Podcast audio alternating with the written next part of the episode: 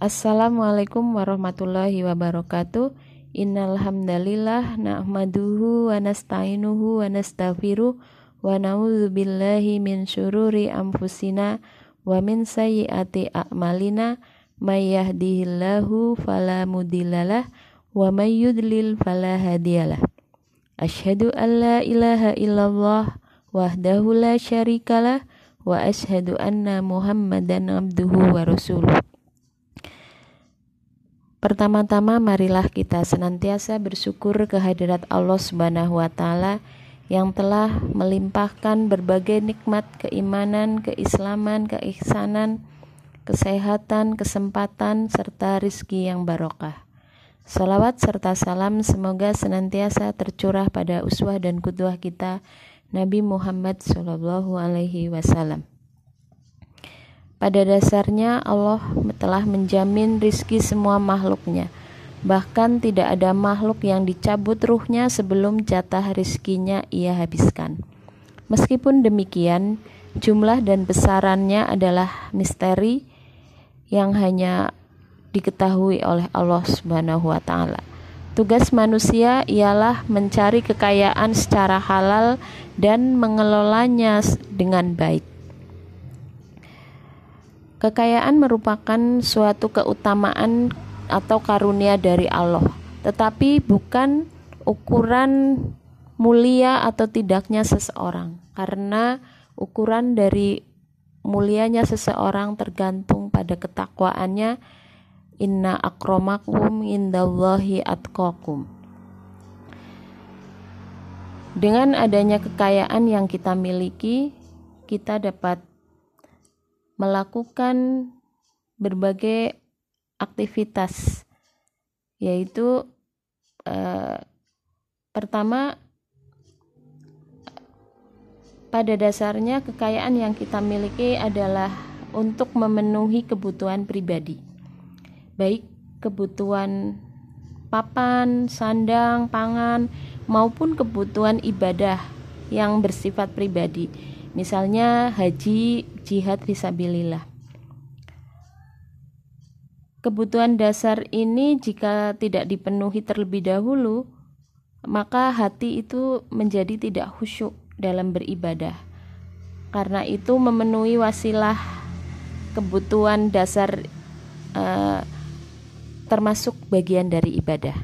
Yang kedua, harta yang diberikan untuk orang lain. Adapun di sini dibedakan menjadi empat, yaitu yang pertama infak, sedekah, donasi. Nah, yang kedua pemberian sebagai sikap sopan santun atau hadiah kepada orang lain yang dapat eh, mempererat tali uhuah di antara sesama. Yang ketiga, pemberian untuk melindungi harga diri dan wibawa dari cercaan orang. Bagian ini juga termasuk dari sedekah sebagaimana Rasulullah Shallallahu alaihi wasallam bersabda yang artinya harta yang dikeluarkan seseorang untuk menjaga kehormatannya adalah sedekah. Yang keempat uh, adalah upah atau balas jasa yaitu imbalan atas jasa atau pekerjaan orang lain untuk dirinya. Nah, itu uh, harta yang diberikan kepada orang lain itu ada empat jenis itu ya. Terus selanjutnya harta uh, yang ketiga, ketiga dalam pengeluaran kita sebagai uh, seseorang harta yang diberikan untuk program tertentu namun manfaatnya untuk halayak umum seperti pembangunan masjid, perbaikan jalan, jembatan, atau wakaf. Nah, menikmati kekayaan ibarat meneguk air laut.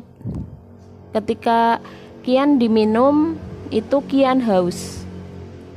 Tidak heran jika sejak dulu orang tidak pernah mengubah cita-citanya untuk menjadi kaya. Namun jarang sekali orang mengubah persepsinya tentang kekayaan.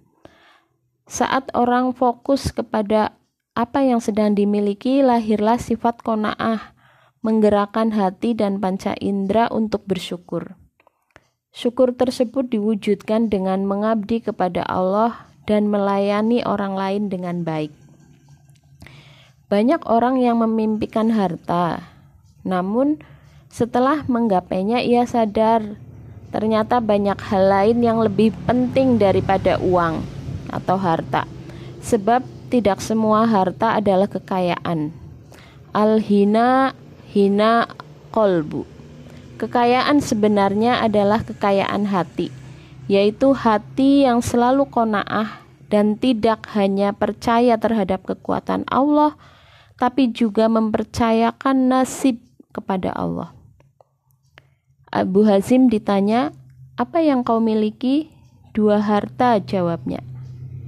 Selalu mempercayakan kepada Allah dan tidak mengharapkan milik manusia. Semoga kita termasuk golongan tersebut.